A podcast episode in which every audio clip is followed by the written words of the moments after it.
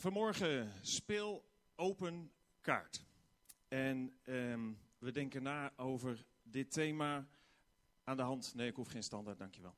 Uh, aan de hand van Story of Stentor. En Story of Stentor, misschien heb je die cryptische omschrijving er al een beetje uitgehaald. Gaat eigenlijk over de tegenstelling tussen waarheid en leugen. Nou is het natuurlijk niet zo dat alles wat in de story staat onwaar is. Het is ook niet zo dat alles wat in de stentor staat waar is. Maar toch, als we het een beetje kennen, deze verschillen, dan zien we wel dat de een toch over het algemeen wel aardig vaak over de rand van de waarheid heen gaat. En de andere probeert zoveel mogelijk, de stentor, zoveel mogelijk waarheidsgetrouw informatie te geven. Dat is een taak van kranten in tegenstelling tot uh, ja, bladen als Story en Weekend en noem maar op. Ik heb eens gekeken wat het, uh, het woordenboek zegt over waarheid en leugen. En ik las bij leugen in het woordenboek het Van Dalen een onjuiste mededeling die bedoeld is om te misleiden. En bij de waarheid, en dat had een veel langere omschrijving nodig, de waarheid, de ware, de getrouwheid, de overeenstemming tussen een denkbeeld, een verhaal of een bericht en de zaak zoals zij is. Nou, als je het nog stapt. Um, leugen is duidelijk een onwaarheid. Dus eigenlijk is het veel belangrijker om te kijken wat is waarheid. Dan weet je dat alles wat daar buiten valt eigenlijk onwaarheid is. Nou, over waarheid wordt al eeuwen en eeuwen en eeuwen getwist. Het is voer voor filosofen die maar proberen na te denken over wat is alleen al het begrip waarheid. Dus niet in eerste instantie wat is waar en wat is niet waar, maar hoe omschrijf je het begrip waarheid. En in de loop van de tijd is um, de filosofie gekomen met eigenlijk ja, negen toonaangevende theorieën. Dat geeft wel aan dat ze er niet uit zijn. Ze zijn er niet uitgekomen. Uh, dit zijn hun theorieën. Het is de correspondentietheorie, de coherentietheorie, de evidentietheorie, de pragmatische waarheidstheorie, de consensustheorie, de redundatietheorie, de performancetheorie, de semantische waarheidstheorie of de systeemtheorie. Ja, wat is waar van deze? Al deze theorieën zijn gedachtegangen over hoe kun je überhaupt waarheid omschrijven. Hoe kun je überhaupt nadenken over wat waar is of wat leugen is. Voorbeeld van de eerste, ik ga ze uiteraard niet allemaal noemen, want we, is de zaal zo leeg.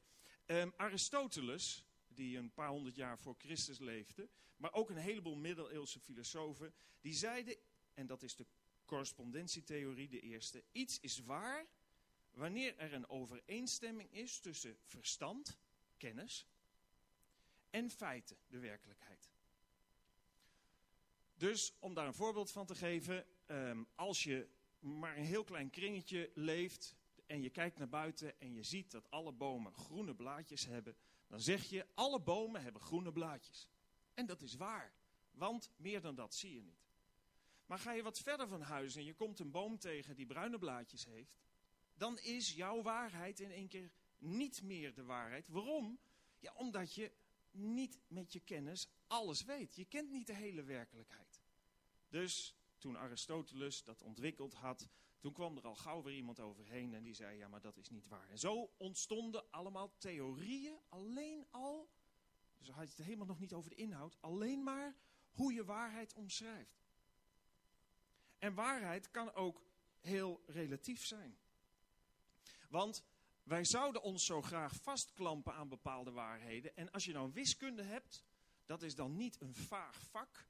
Dat is een vak wat exact is. En zeg je, nou daar is waarheid te vinden. 1 plus 1 is 2. Klaar. Ja, is dat wel zo? Want als ik één druppel heb. En ik doe er nog één druppel bij. Bij. Ja. En ik laat hem vallen. Dan heb ik nog steeds één druppel. Hij is iets groter, dat wel. In dit geval is 1 plus 1 1. Alleen is iets groter. Dus zelfs de wiskunde heeft geen waarheden. Uh, een ander voorbeeld. Deze vaas, die is rood. Nee, zeggen filosofen. Deze vaas is niet rood. Deze fase, vaas weerspiegelt uit het licht het rode spectrum. Maar als dat licht er anders uitziet, kan die vaas, diezelfde vaas, ook heel gemakkelijk groen zijn. En als je het licht een stukje lager draait, dan wordt de vaas grijs en uiteindelijk wordt hij zwart. Dus een vaas hoeft helemaal niet rood te zijn. Nee, hij, hij geeft dat terug. Dus, nou ja, ik weet niet hoe het dan op een gegeven moment je vergaat, maar je raakt ergens overal de draad kwijt als je erover na aan het denken bent. En ook moet de vraagstelling nog heel goed zijn als je een waarheidsgetrouw antwoord wil hebben. Want als je dit kind ziet en je vraagt aan dat kind: heb jij een koekje gepikt? En dat kind zegt nee, dan denk je bij jezelf: nou, dat is volgens mij niet waar. Maar de kind zegt de waarheid, want hij heeft er drie gepikt. Dus, dit kind kun je het sowieso niet kwalijk nemen. Maar het is ook heel belangrijk, hoe stel je de vraag om zeker te weten dat je een waar antwoord, antwoord krijgt. Waarheid is een relatief begrip, leugen is een relatief begrip. En hoe langer je erover filosofeert, hoe drassiger de grond onder je wordt. Dan komt er nog wat bij als je het hebt over de inhoudelijke kant. Dus niet hoe praat je of hoe denk je na over waarheid, maar ook over de inhoudelijke kant, wat is waar en niet, eh, niet waar.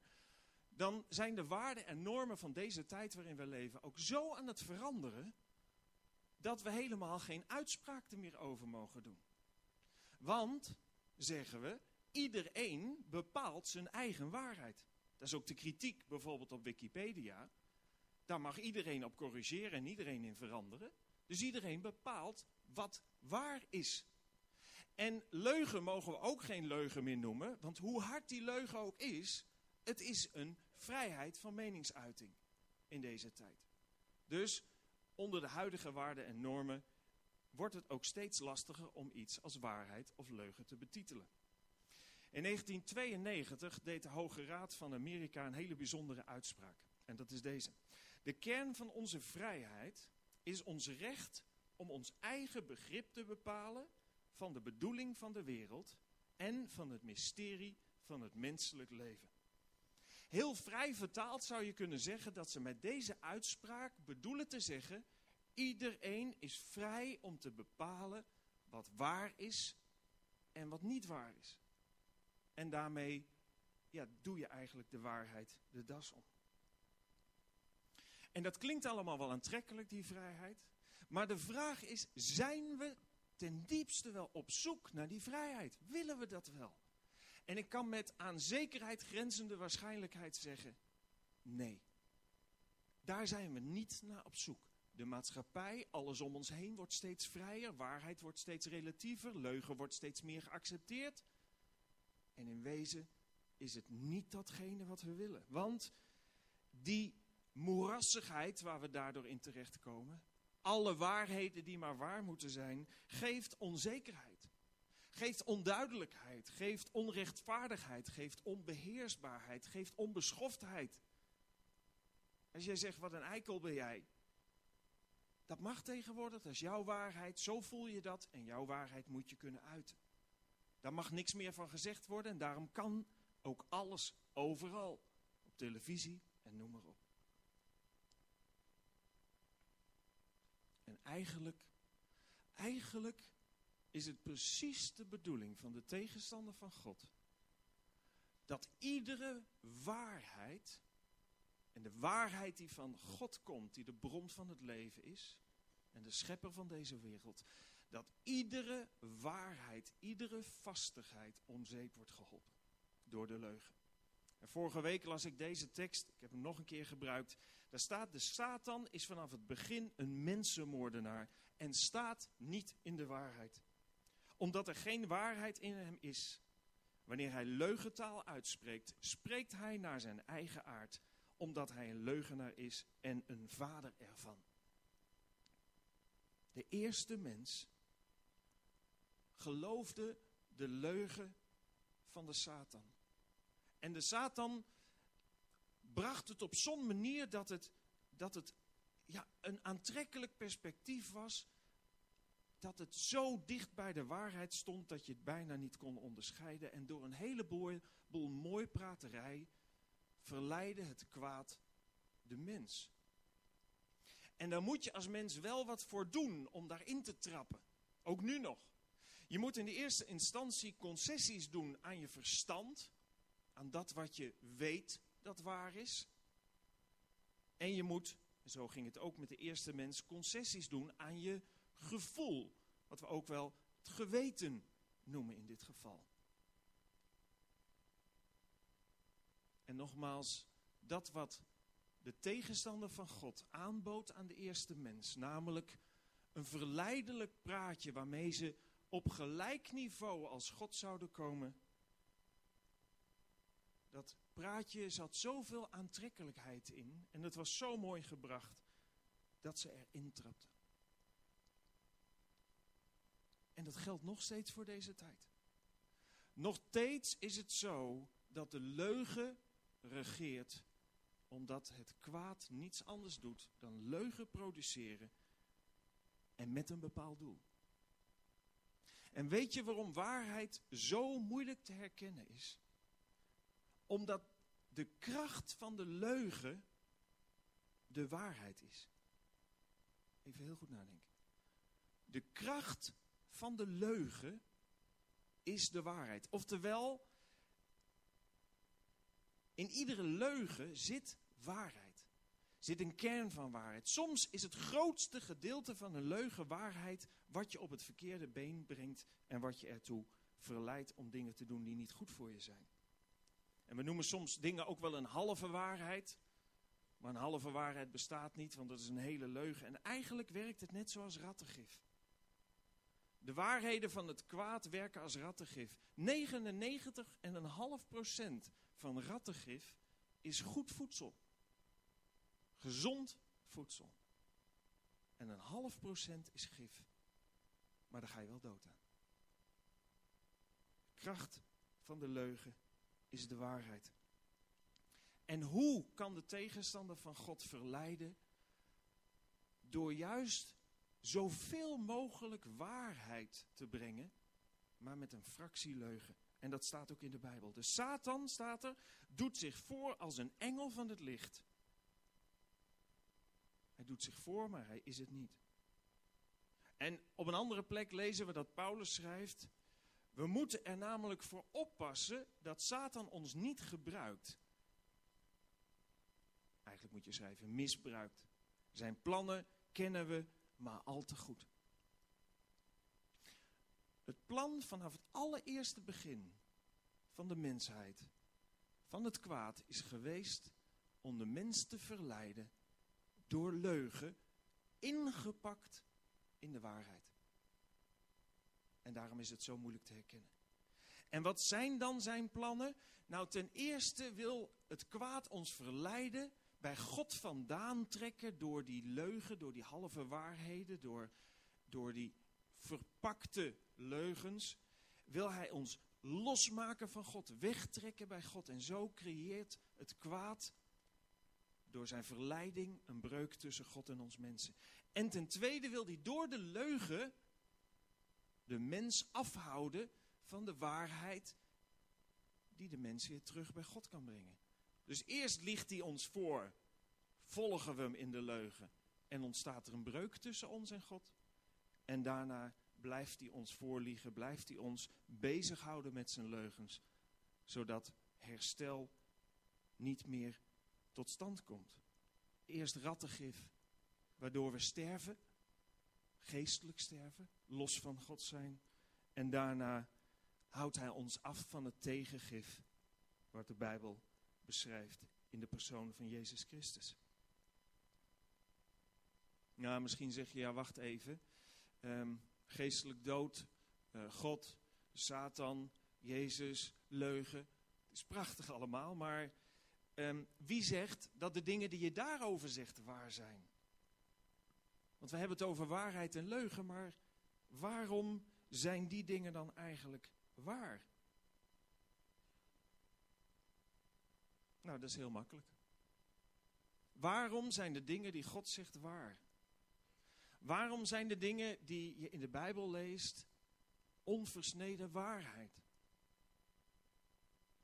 Waarom is er geen andere God dan de God van de Bijbel? En waarom is dat waar? Nou ja, het is omdat God het zelf zegt. Zwak bewijs. Ik ga er nog wel wat meer over zeggen. In de Bijbel lezen we dat God zegt: Ik ben God. Er is geen ander. Ik ben God. Niemand is aan mij gelijk. En David, een van de grote koningen uit het begin van het volk Israël, zegt: Want de Heer is groot en zeer te loven, wonderbaar boven alle goden. Want alle goden der volken zijn afgoden. En Jezus zegt over zichzelf: Ik ben de weg, de waarheid en het leven. Ja, nou, ik zou er niet van opstaan te kijken als je zegt: Ja, dat is prachtig, maar papier is geduldig. Wie zegt dat dit waarheid is? Hoe kun je nou ja, niet alleen maar erover praten, want dat doet de tegenstander van God ook. Die zegt ook dat hij de waarheid verkondigt. Waarom is dit wel waar en waarom is het andere niet waar? Ik zei al, God zegt dat hij de waarheid spreekt. Maar zijn echtheid en waarheid is ook toetsbaar. Is controleerbaar. Niet alleen met dingen die bij het gevoel horen, want dan blijft het vaag. Maar ook met ons verstand te doorzien. Ik las net die tekst, want ik ben God. Niemand, is aan uh, niemand anders is God, niemand is aan mij gelijk. Die tekst gaat door. En wat staat er dan? Wat God zegt. Ik verkondig u het einde vanaf het begin. En vooraf wat nog niet is gebeurd. Ik zeg, mijn besluit wordt uitgevoerd. En al wat mij behaagt, breng ik tot stand.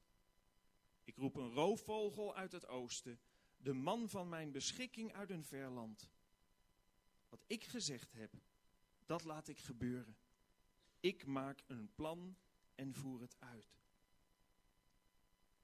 Het allersterkste bewijs van de waarheid van Gods woord, wat met het verstand te doorzien is, is datgene wat God vooraf heeft gezegd en daarna letterlijk is uitgekomen. Het is de mens in het algemeen niet vergund om in de toekomst te kijken. En waarzeggers beweren dat natuurlijk wel met mooie verhalen en, en, en fantastische uh, uh, trucs en noem allemaal maar op. Maar zolang er nog beurscrisissen zijn zoals we op dit moment hebben, geloof ik niet dat er mensen zijn die de toekomst kunnen voorspellen. Iedere keer opnieuw blijkt het gebakken lucht te zijn, blijkt het geen waarheid te zijn.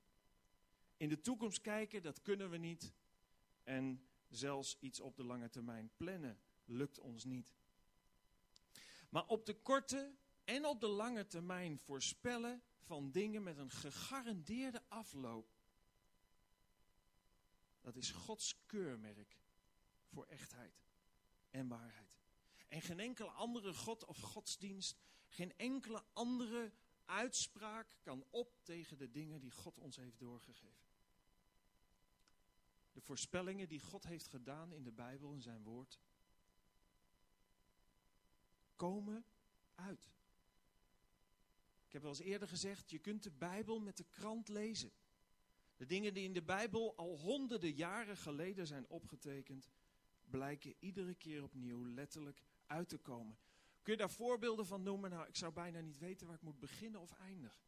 Zo verschrikkelijk veel gebeurtenissen uit de geschiedenis zijn lang van tevoren aangekondigd en letterlijk uitgekomen.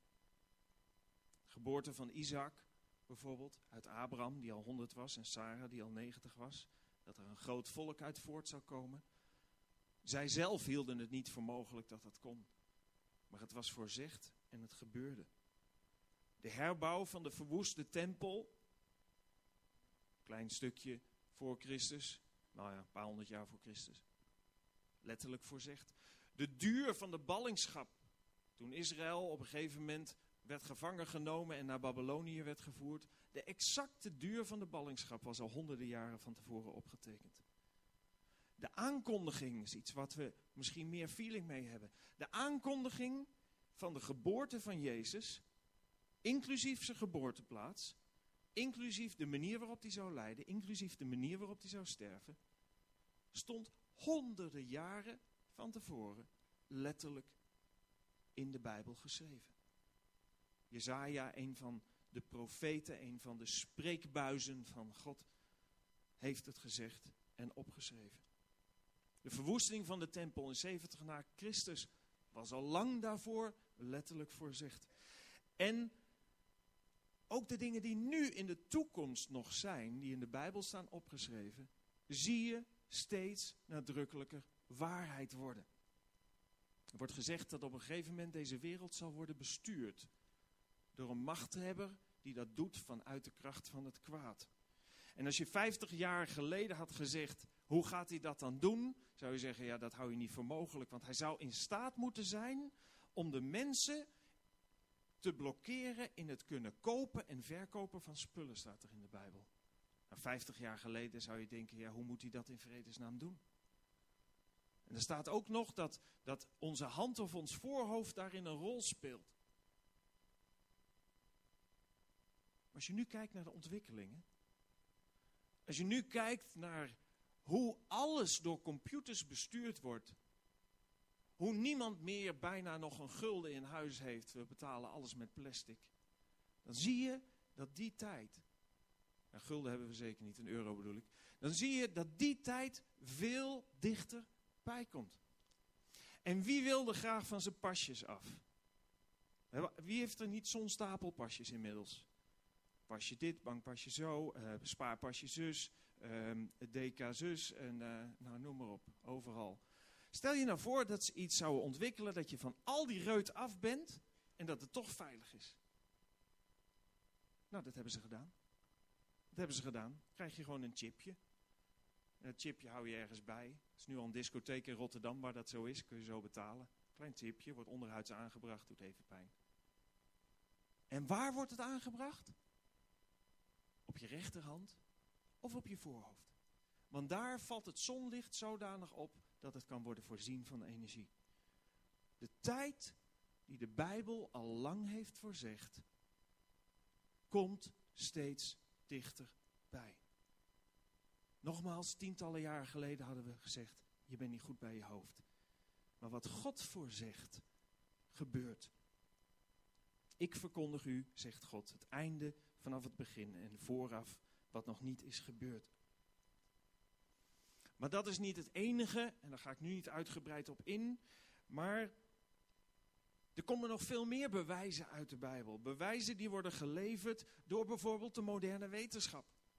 En dit boek eh, schrijft daar heel veel over, moderne wetenschap in de Bijbel. Daaruit blijkt dat wat we nu ontdekken in de wetenschap, dat dat al honderden jaren geleden in de Bijbel is opgeschreven. In de medische wetenschap, in de meteorologie, bijvoorbeeld de hele, huiter, eh, de hele waterhuishouding op de aarde, voedingsleer, in de landbouw, gezondheidsleer, archeologie, vindt steeds opnieuw bewijzen van de waarheid van de Bijbel, de astronomie en noem maar op. Dus de waarheid de echte waarheid, waar we ten diepste allemaal zo naar op zoek zijn, is binnen het terrein van God niet alleen maar iets van een gevoel, zo van ah, je moet erin geloven en als je er niet in gelooft, ja dan niet. Nee, het is gevoel en verstand. En iedereen die het wil vinden, iedereen die wil ontdekken, kan het ook vinden. Blaise Pascal leefde begin 1600, was een enorm groot geleerde op tal van terreinen. Hij was wis- en natuurkundige, christelijk filosoof en theoloog. En hij schreef het volgende. Het christelijk geloof is het enige geloof dat zowel de menselijke reden, dus ons verstand, als het menselijk gevoel echt bevredigt. Het geeft een plausibele verklaring van het menselijk leven En bovendien beantwoordt het aan de diepste impulsen van de mens. Een andere geleerde, veel meer van deze tijd, Dr. Paul Meyer, een geschiedkundige, een professor aan de Western Michigan University, schrijft dit. Bij de 2000ste verjaardag van het christendom zouden we bereid moeten zijn iedereen te vertellen dat het totaal van het literaire, historische en archeologische bewijsmateriaal het relaas van het Nieuwe Testament over Jezus dramatisch ondersteunt. Wie anders beweert is droevig slecht geïnformeerd, tragisch dichtgetimmerd of gewoon oneerlijk. Onwaarheid. Tot slot, weet je nog wat ik zei over de plannen van het kwaad? Het kwaad wil eerst een breuk bewerkstelligen tussen de mens en God. Door ons te verleiden zijn leugens na te volgen.